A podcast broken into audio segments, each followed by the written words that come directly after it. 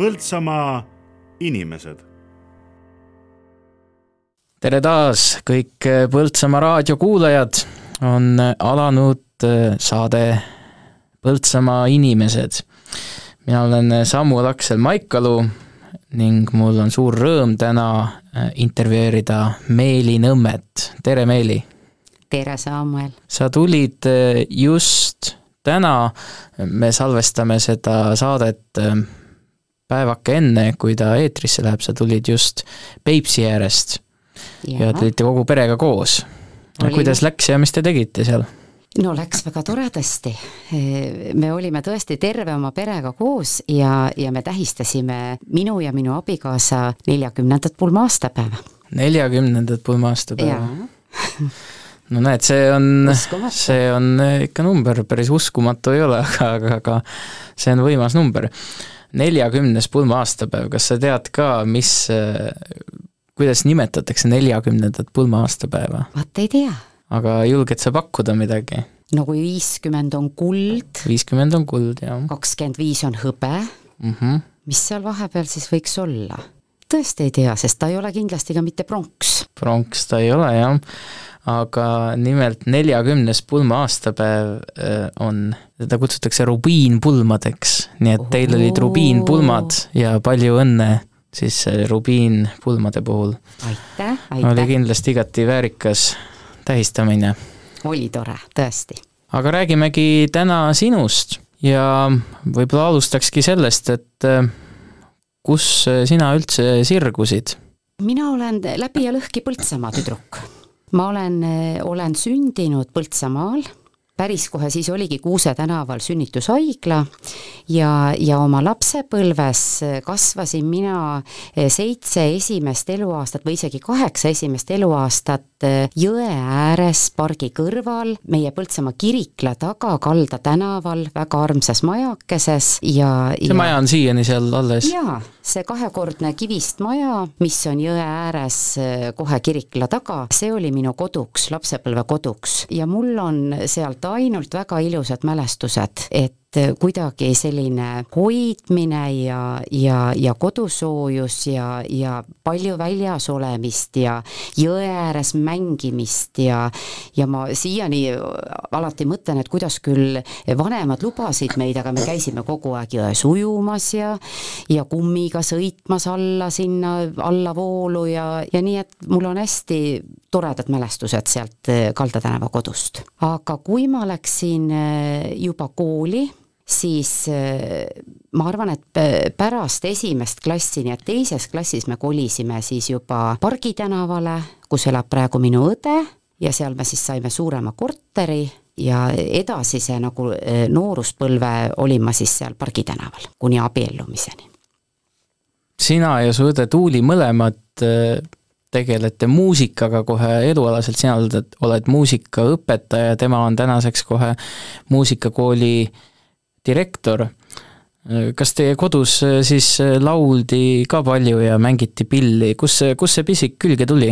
jah, ema oli meil selline, kes ikkagi kodus kogu aeg laulis, aga ma arvan, et see laulu ja talle muusika meeldis, aga, aga mitte ei ema ega isa ei ole meil mitte üldse pilli õppinud. ema on rääkinud, et mina väiksest peale, noh praktiliselt nii, et, et ma ei julge nüüd öelda, et ma laulma hakkasin enne kui eh, rääkima, aga ma kohe pisikesest peale armastasin väga laulda, nii et ma olla laulnud küll bussis, küll õues, küll lasteaias, eh, isegi ühissaunas, me käisime tol, tol ajal oli see Põltsamaa saun, nii et ka seal seal lava peal olin ma siis kõiki rõõmustanud lauluga, nii et, et see laulupisik on ikkagi olnud mul väga väiksest peale ja pillimäng mind väga köitis, nii et kui ma nägin seal tuttavaid suuremaid sõbrannasid, kes siis pilli mängisid, siis sealt mul ikkagi see isu tuli, et mina tahan minna muusikat õppima.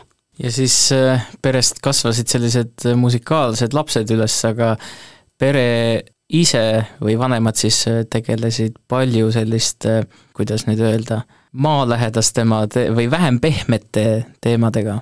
Jaa, ema ja isa mõlemad äh, olid, töötasid miilitsas, ema on jurist, äh, ema oli siis äh, uurija ja tema amet on olnud ikkagi väga selline karm, ta on näinud väga selliseid süngeid ja ja, ja, ja koledaid asju, nii et, et selles mõttes nagu vanemate elukutse oli täiesti midagi muud. aga ema alati rääkis seda, et küll talle meeldib, et et kui meie pilli mängime või talle meeldis, kui me laulsime, ta imetles seda alati ja ütles, et see oli ka tema lapsepõlve unistuseks. nii et äh, see muusika meie majas on tõesti äh, olnud lapsepõlvest peale ja praegu ka on nii, et kõik meie pere pidustused lähevad ikka laulu ja pillimänguga. ja isa oli miilits? isa oli miilits, jah. ja siis, äh, kui sa mehele läksid, siis valisid ka jällegi miilitsa, et kas seal on mingisugune seos siis või või, või Tähendab, sattusid isa kaudu temaga kokku või kuidas? ei, oligi niimoodi, et minu abikaasa eh, tuli eh, Põltsamaale tööle ja tema sattus sinna ka täiesti juhuse läbi nii et ta räägiti ära ja ta ei olnud üldse ise valinud väga vabatahtlikult seda ala, aga ta ma just kartsin, et sa ütlesid, et, et ta vabatahtlikult äh, sind naiseks ei valinud et tööl tehti selgeks kolleegide poolt. ikka oli niimoodi, et ta sattus siia väga, väga äh, nagu pooljuhuse tahtel ja oli siis selline noor kolleeg, kes käis aeg-ajalt nõu küsimas, sealt kuidagi tekkis meie tutvus, mis arenes siis edaspidi päris lähedaseks suhteks. ja tänaseks on siis äh, nelikümmend aastat, nelikümmend aastat abielu. just ma olen äh, siin Põltsamaa inimeste saates ikka äh, mõningate inimeste käest küsinud, kellel on samuti olnud pikk abielu või kooselu, et mis see saladus siis on?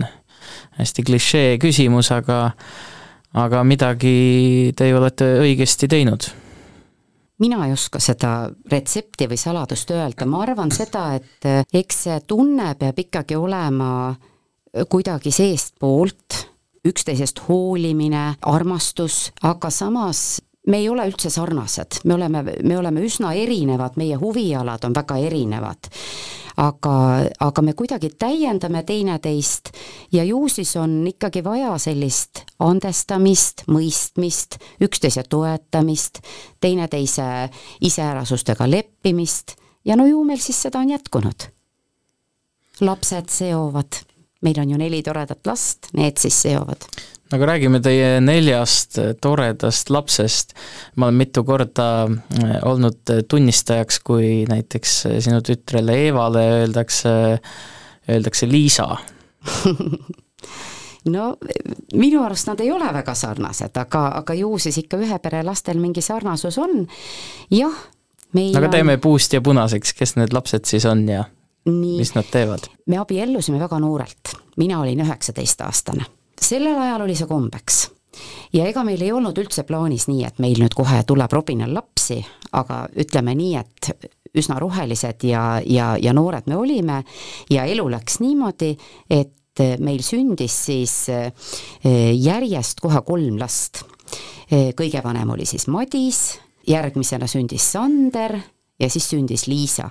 Nad kõik sündisid minu Tallinna Konservatooriumis muusikaõpetajaks õppimise ajal ma olin Põltsamaa keskkooli lõpetanud siis kaheksakümne teisel aastal, samal aastal astusin siis Tallinnas konservatooriumisse ja tahtsin muusikaõpetajaks õppida, aga nii läks elu, et need lapsed siis sündisid ja me tegime otsuse, et ma lähen kaugõppesse üle poole, poole õpingute pealt. aga, aga samas ütleme nii, et see pani kuidagi pingutama, samal ajal õppis ka abikaasa tolleaegses siis TPI-s ja ja see oli üsna pingeline aeg, sest äh, ma ei tahtnud alla anda, mõtlesin, et selle kooli ma ikkagi käin äh, ilusti lõpuni, sest juba sinna kooli sisse saamine oli nii, et ma, ega ma ise ei uskunud, et mina nüüd siit Põltsamaalt laste muusikakooli lõpetanuna äh, saan hakkama Tallinna Riiklikus Konservatooriumis. Lihtsalt mõtlesin, et proovin, kui ei saa, siis oli mul varuvariant, et lähen, lähen hoopiski Tartu Ülikooli õigusteadust õppima, see oli ju ema, ema-isa kaudu tuttav amet, aga sain sisse ja ühesõnaga said need õpingud ikkagi mul lõpetatud isegi nominaalajaga, väga paljus tänu ka ema toetusele, kes tõesti käis minuga isegi sessidel kaasas, nii et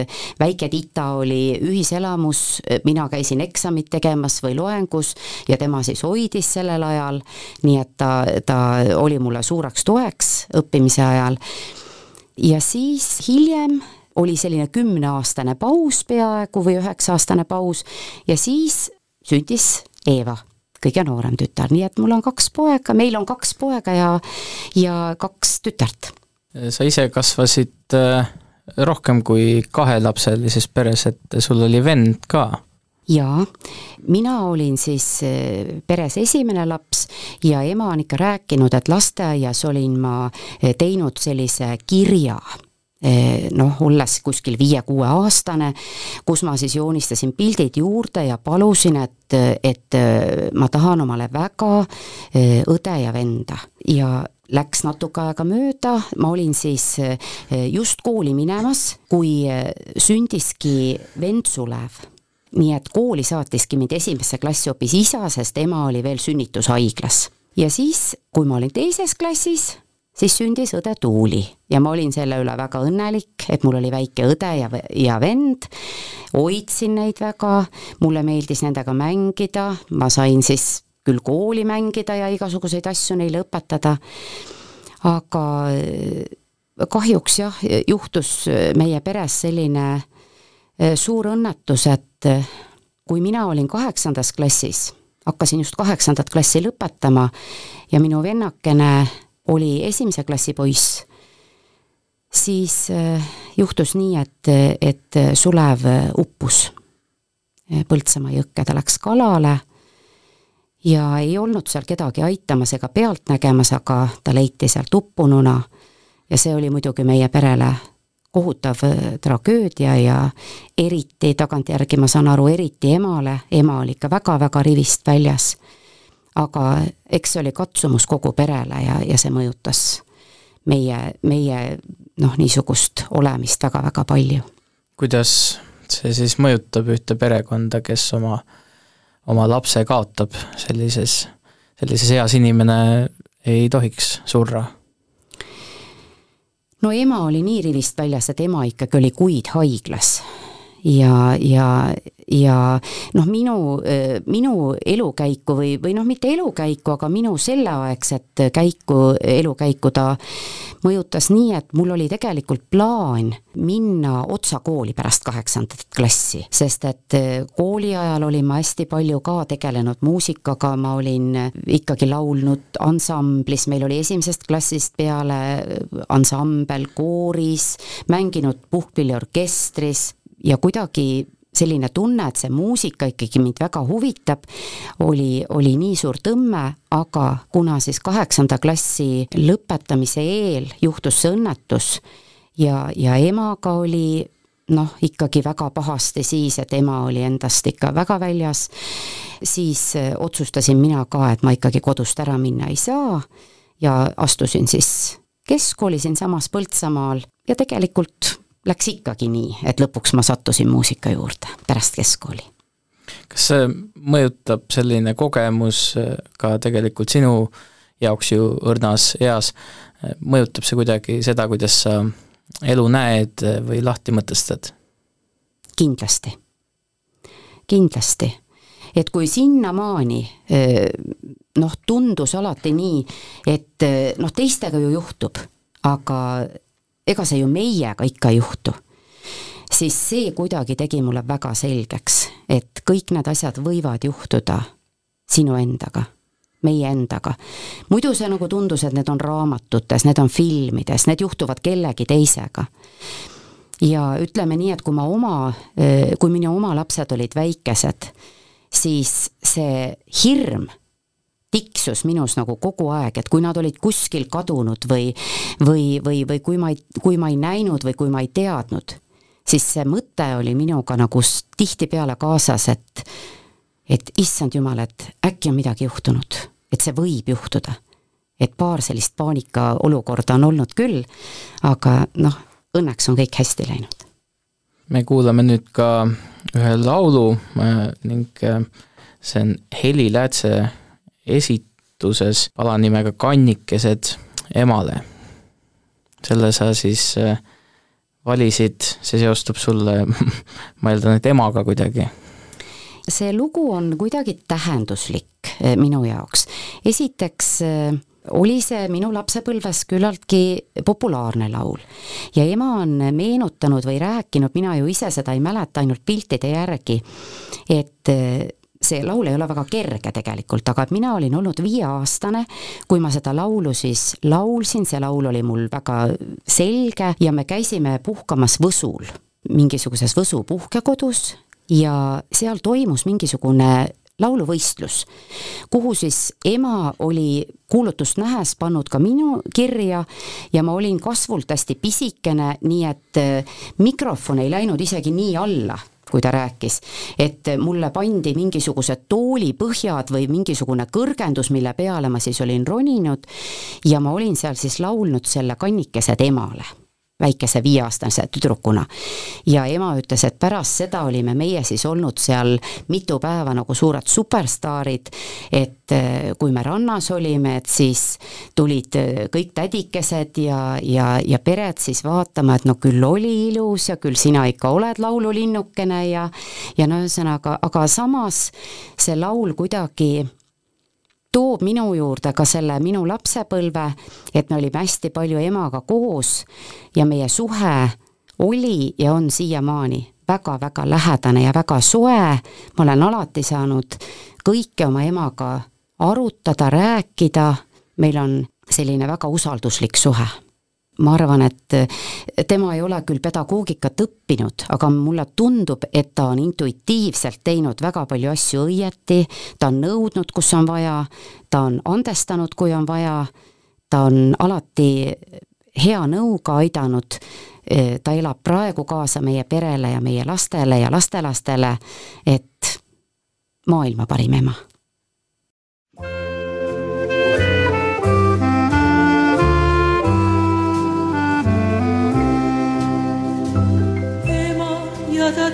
väike kõndisid kord metsateel.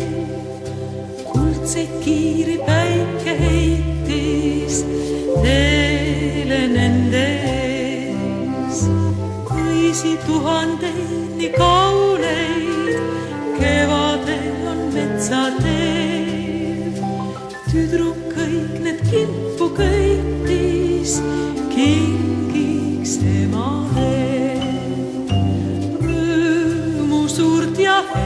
helget need õied emal tõi. hellalt vaitas tütrekesel pea. kui veidi ootad, siis tuua sulle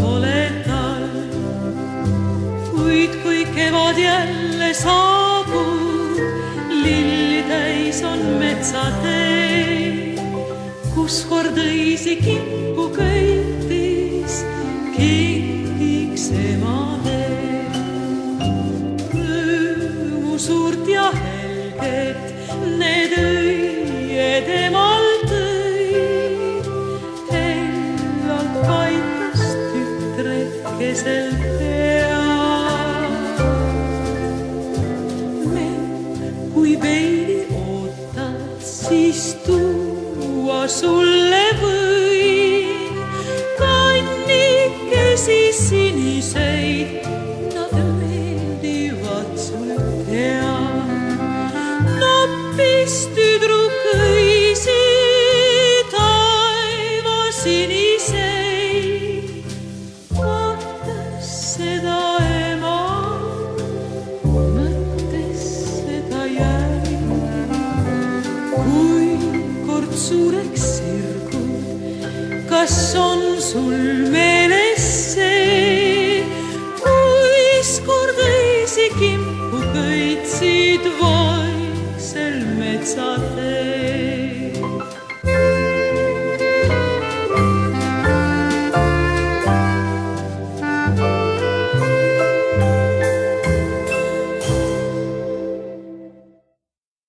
ja kuulasime muusikapala Kannikesed emale.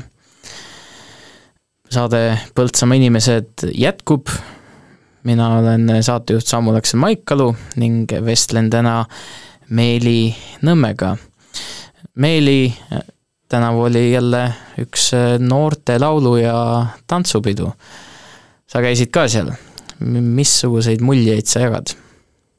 no eh, oli eh, vägev pidu, nagu alati, laulupeod on ikkagi sellised, noh, ma ütleks ikkagi nagu Eesti rahva suured pühad, kokkutulemised. seekordne kokkutulemine oli tõeliselt ekstreemne oma ilmaolude tõttu.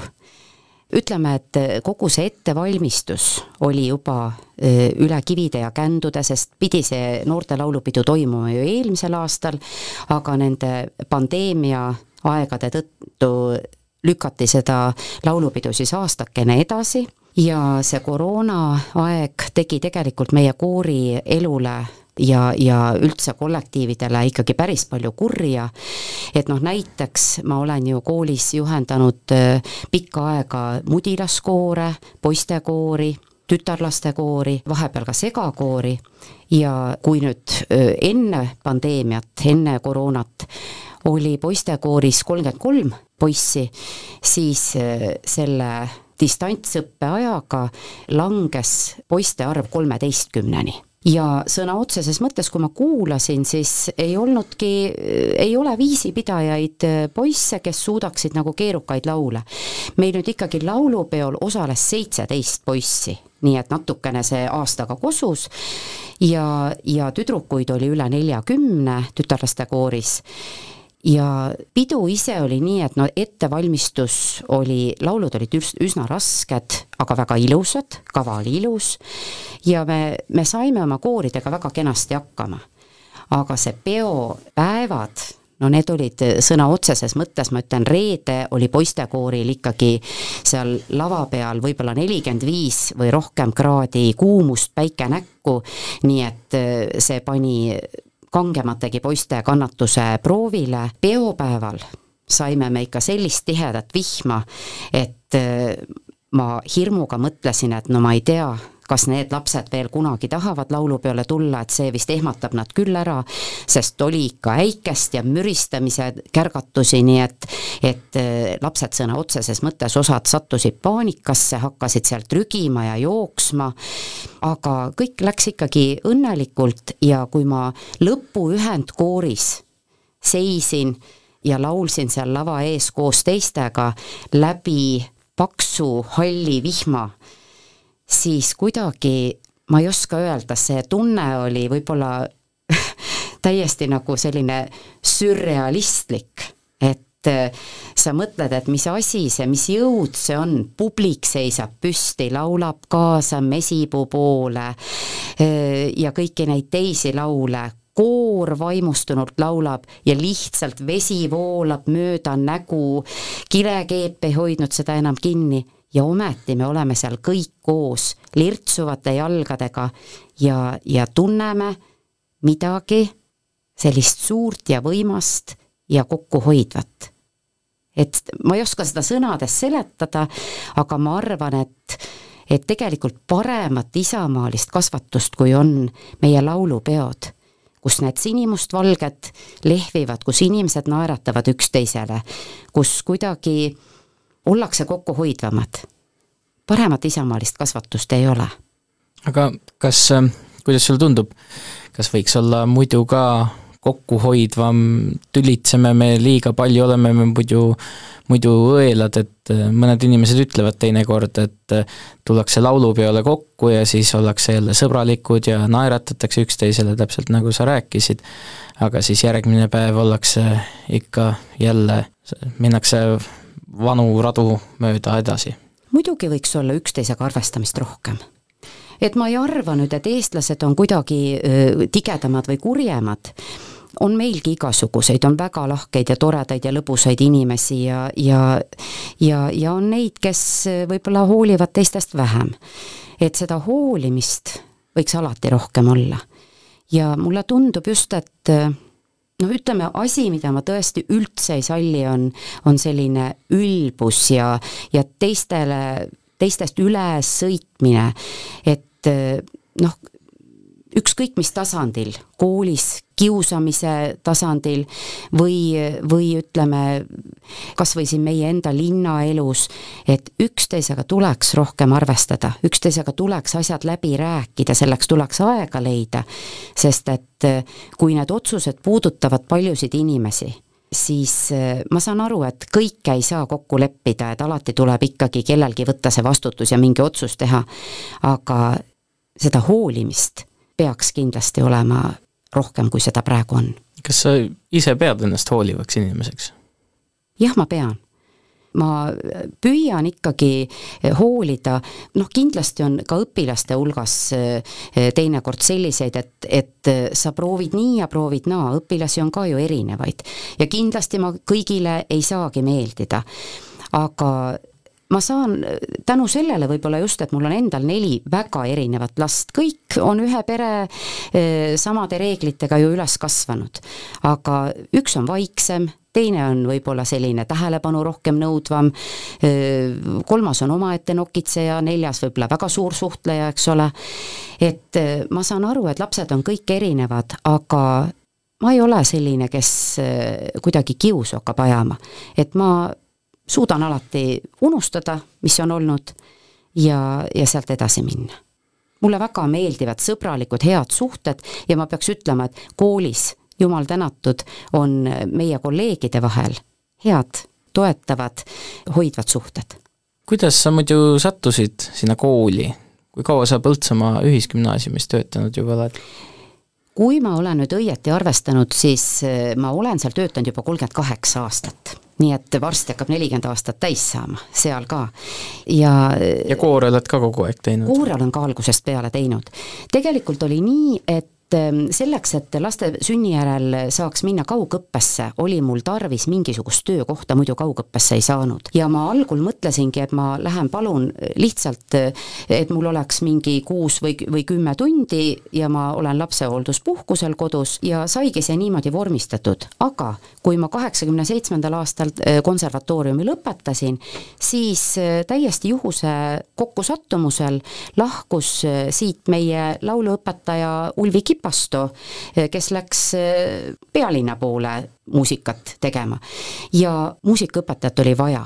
Nii et tolleaegne direktor Kalju Teras kutsus mind siis kooliõpetajaks ja mul oli just värskelt kätte saadud konservatooriumi lõputunnistus, nii et eh, siis ma klassi ette asusingi ja algus oli küll nii, et pisut ebakindlust ja, ja kõhklust, et kuidas ma hakkama saan, aga tegelikult mulle ikkagi see muusikaõpetaja töö on rõõmu pakkunud ja mulle meeldivad lapsed, mulle meeldib tegeleda andekate lastega, kooritööga, ansamblitööga, solistidega. Ja kõik need toredad esinemised ja, ja ütleme, see rõõm koos laulmisest ja minu arust on see äge olnud.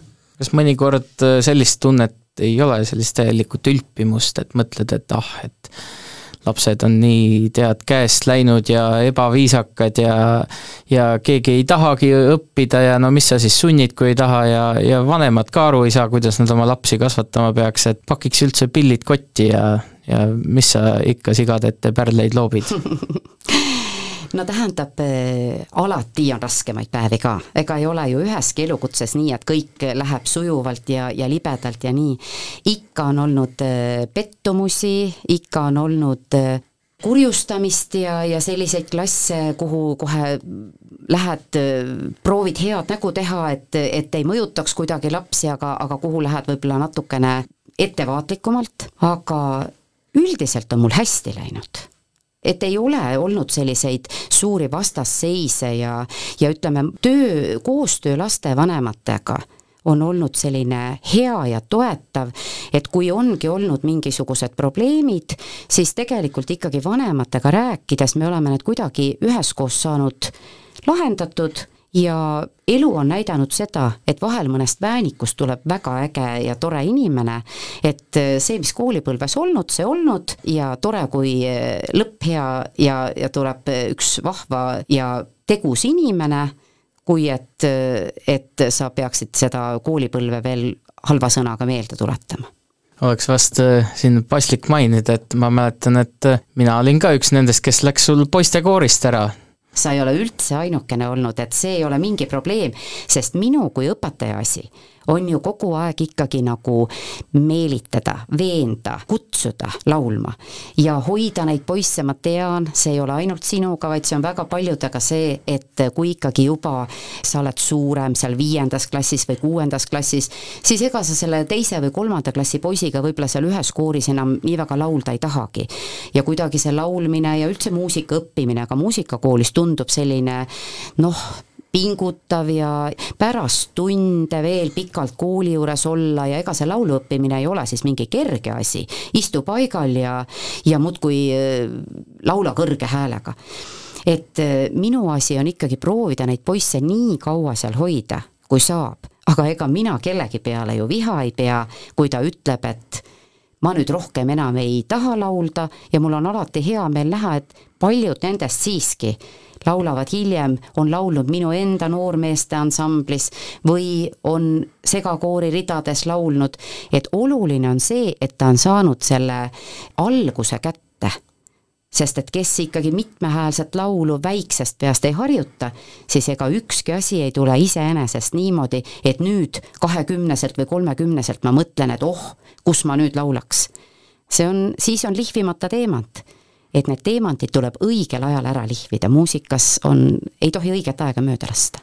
jah, tegelikult küll, et ähm, kui sa, ma nüüd meenutan, aastaid hiljem kutsusid mind vahepeal koos poistekooriga laulma, siis sa ikkagi tituleerisid mind kui poistekoori poissi, et äh, reeturi märki rinnas ei olnud? ei, mitte, mitte kunagi. et sa ei pea viha? ei, absoluutselt ei pea viha ja me oleme ka nüüd eh, hilisemalt teinud nii, et kui me juba kokku lepime näiteks, et nii, õpetaja, see on mul viimane aasta, siis ma olen ka vahel, kui poisid, ma ütlesin, et tooge sügisel poistekoori vormid ära, vahel oleme kätt surunud, mõnele on, olen šokolaaditahvligi pihku pistnud ja ütelnud, et aitäh koos töötatud aastate eest, et see pensionile minek, niinimetatud poistekoori pensionile minek, oleks ikkagi tekitaks sellist äh, mitte nagu kibeduse tunnet, aga äh, muidugi mul on kahju selles mõttes, et on selliseid poistekoore, kus poisid laulavad äh, ikkagi häälemurdes ka veel edasi, need on neljahäälsed poistekoorid. et meie koolis kahjuks jääb jah, see asi niimoodi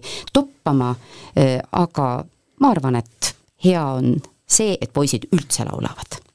kuidas sulle muidu tundub, ma olen teinekord tähele pannud, et sellised pika kogemusega õpetajad ütlevad, et et lapsed on nagu justkui muutunud halvemuse poole, et nende käitumine on kuidagi rohkem korrast ära, et ei ole ikkagi päris nii, nagu vanasti, et midagi on, midagi on kuskil muutunud. kuidas, kuidas sina seda asja tajud? muutunud on kindlasti, sest et eks aeg muutub, olud muutuvad ja, ja sellega seoses ka lapsed ja samas ka lapsevanemad. praegusi lapsi mõjutab kindlasti väga palju kogu see arvuti ja digiühiskond. et see on kuidagi väga meelitav, kutsuv, nad on juba väikesest peale sellega ju harjunud ja ma saan aru, et ega sellele kätt ette ei pane ja, ja see on kõik elu edasiminek. aga kahju on natukene sellest, kui sellist pingutustahet jääb võib-olla vähemaks, et ma väga tahaksin, et nii vanemad kui ka lapsed ise mõistaksid seda, et ega miski ei tule lihtsalt. selleks, et kuhugi jõuda, selleks ikkagi peab vaeva nägema, selleks, et areneda, õppida, selleks tuleb tegelikult pingutada ja seda pingutust ei tohi karta mulle tundub vahepeal, et ka meil üldse koolisüsteemis praegu on niisugust järeleandlikkust, et noh, et ei tohiks liiga raskeks minna, et kui me võrdleme nüüd erinevaid põlvkondi, siis eh, kui palju tegelikult eh, ütleme, vanasti eh, tuli pingutada, et üldse haridust saada, eks ole, kui palju tööd tuli teha, kui ma kuulen oma ema meenutusi, kuidas tema ülikooli läks või nii, siis ma praegu mõtlen, et paljud asjad, mis kandiku peal antakse ette, sul on igasugused abivahendid, tuleks ennast ikkagi kokku võtta ja eh, väga oluline on see, et vanemad ka, et loomulikult laps tüdineb eh, millestki ja ta ei suuda võib-olla püsivalt niimoodi aastaid, ka meie lapsed, minu e-, enda lapsed on ütelnud, et ma tahan sellest muusikakoolist ära tulla või et ma olen sellest tüdinud, aga ikkagi, kui, kui vanemad suudavad kuidagi kas meelitada või innustada või kuidagi kokku leppida, et katsu üks asi ära lõpetada, tee see asi ikkagi lõpuni, siis ma arvan, et see toob ainult äh, kasu. aga lauluaeg on jälle käes ja sa oled valinud siia ühe ABBA laulu, millel pealkirjaks Thank you for the music, et sa ei kuulagi ainult laulupeolugusid oh ei, e, no ABBA seostub kohe minu enda nooruspõlvega, et eks selle järgi ole kooli juures e, saanud e, tantsupidudel tan-, tantsida ja see kuidagi teeb meele selliseks rõõmsaks ja helgeks. see laul sai valitud just selle mõttega, et ma olen seda mitmete oma neidude ansambli koosseisudega laulnud. ja see meeldis tüdrukutele tookord, sest mul olid sellised keskkooli neidude ansamblid ja, ja ütleme ka noormeeste ansamblid. ja nende ansamblitega sai tõesti, tollel ajal oli väga palju maakonnas eh, erinevaid konkursse, laulukonkursse, sai osaletud ja eks selle laulu sisu räägib ka sellest, et noh, nii nagu minagi tunnen, et ma ei ole midagi väga erilist, ma olen lihtne, tavaline töötegija, aga tegelikult muusika annab ikkagi elule nii palju sellist värvi juurde ja on andnud minu elule ka väga palju värvi juurde, ma loodan, et ka kõigile nendele toredatele laulutüdrukutele ja poistele, kes minuga koos on seda teed käinud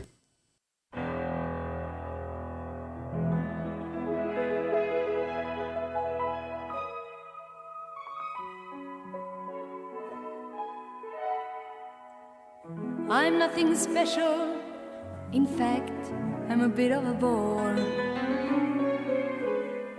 If I tell a joke, you've probably heard it before. But I have a talent, a wonderful thing.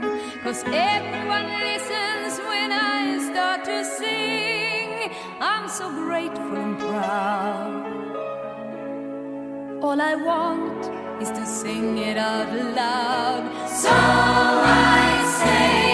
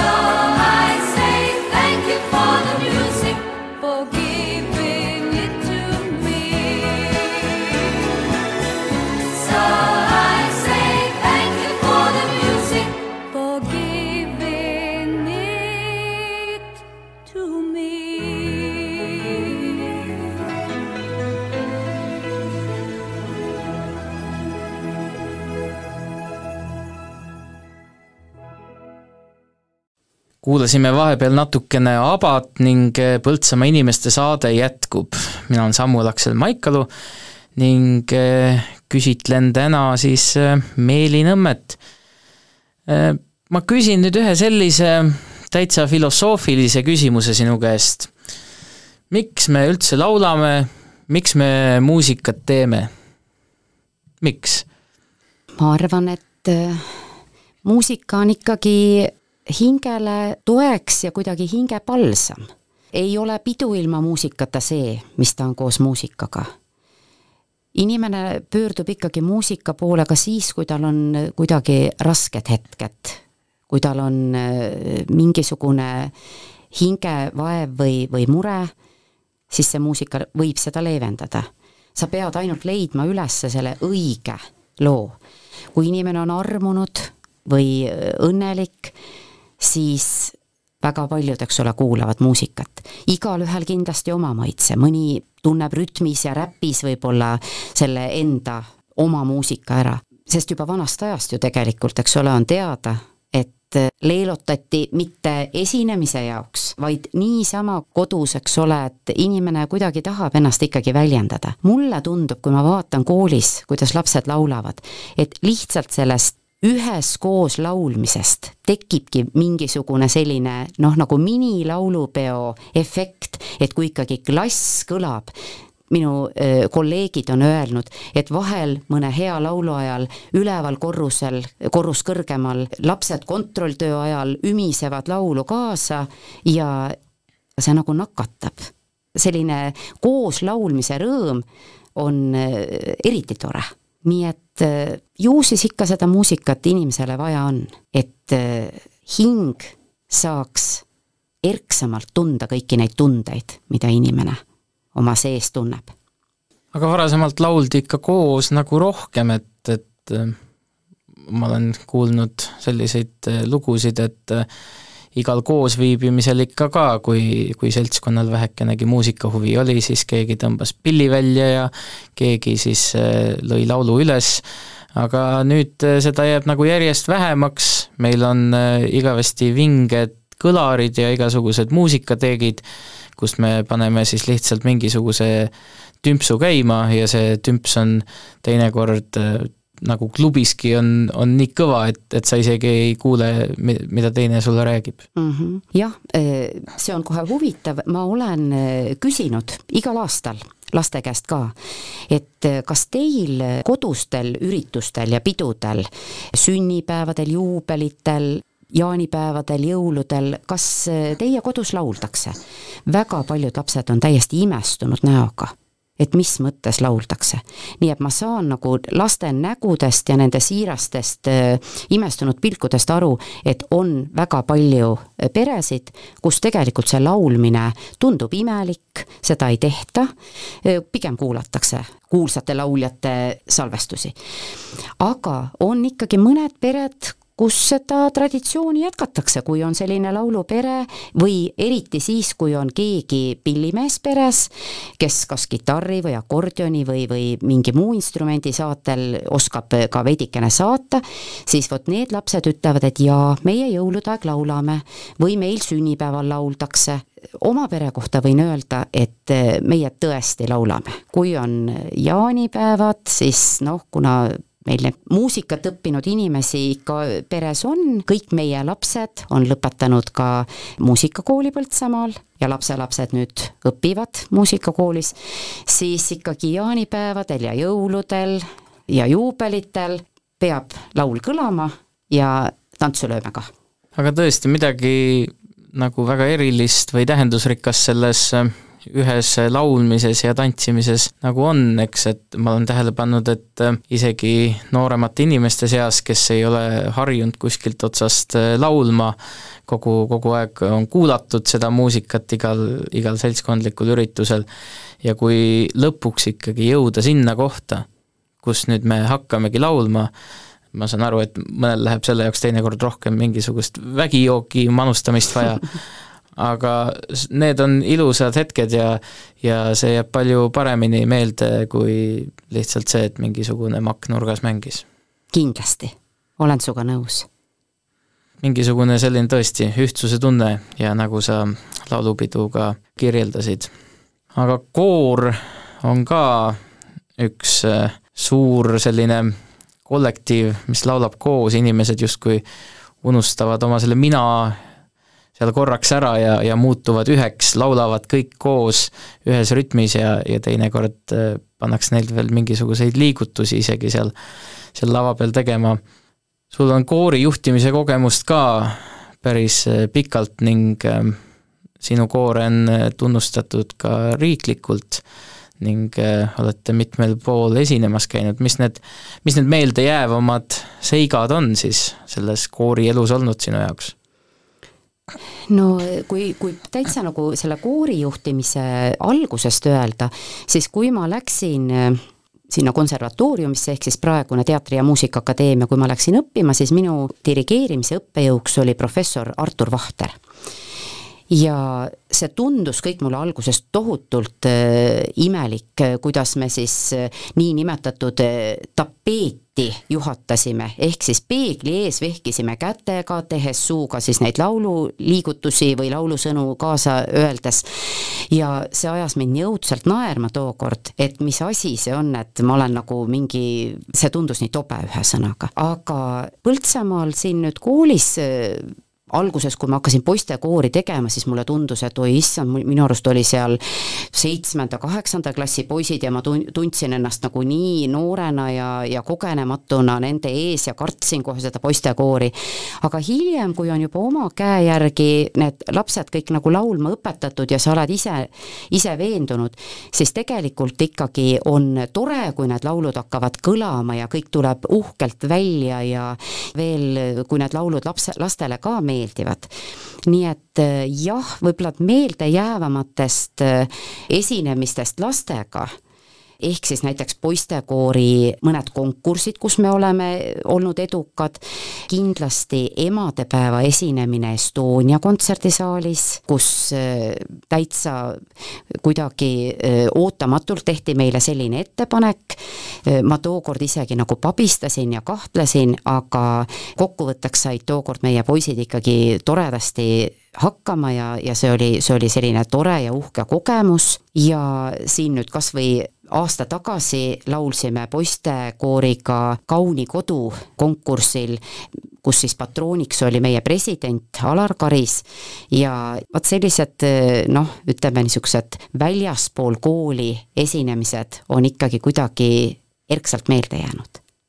kas ähm, koorikultuur, kas seal on mingisuguseid suuremaid äh, ohtusid või, või midagi sellist, mis viitaks äh, sellele sellele langusele, on ta paremaid eh, perioode näinud või kuidas sa seda näed? ma arvan, et läbi aegade on ikkagi eh, jah, olnud koorikultuur eh, Eestis võib-olla isegi varasemalt kõrgem. Neid huvilisi on olnud, see platvormi alumine osa on olnud laiem. ma olin ka kümme aastat tuhande üheksasaja üheksakümnendast kuni kahe tuhandenda aastani olin Kultuurimaja segakoori Heli dirigendiks koos äh, alguses siis Heli Martiniga, kes sealt siis aasta pärast kõrvale astus, ja Sirje Reet Georgiga. ja tolleaegne koorivanem Harri Sakjas, kes siis ka rääkis, kuidas, millised esinemised, millised, kui tohutult suured olid need koorid, eks ole, seal oli seitsekümmend, kaheksakümmend lauljat, milliseid uhkeid kontserte peeti meil siin endal Põltsamaal, millised heliaadid toimusid, siis ma ütleks, et see oli ikkagi selline laiad rahvamassid, kes kõik koorides laulsid. nüüd on lihtsalt tõenäoliselt tulnud nii palju teisi võimalusi eh, juurde, millega tegeleda. aga samas ma ütleks, et vaadates laulupeo repertuaari, mis ei ole üldsegi eh, nagu kerge, mis on ikkagi päris keeruline, ei saa öelda, et koorimuusika praegu kuidagi oleks eh, tase langenud, lauljaid jätkus ka, nii et laululava alune on täis, nii et ma loodan, et et äh, kui koorimuusikale on toetust nii riiklikul tasandil kui ka see, et huvilisi jätkub ja dirigente jätkub, siis ma väga loodan, et ikkagi see koorilaul, Eestile omane koorilaul jääb püsima.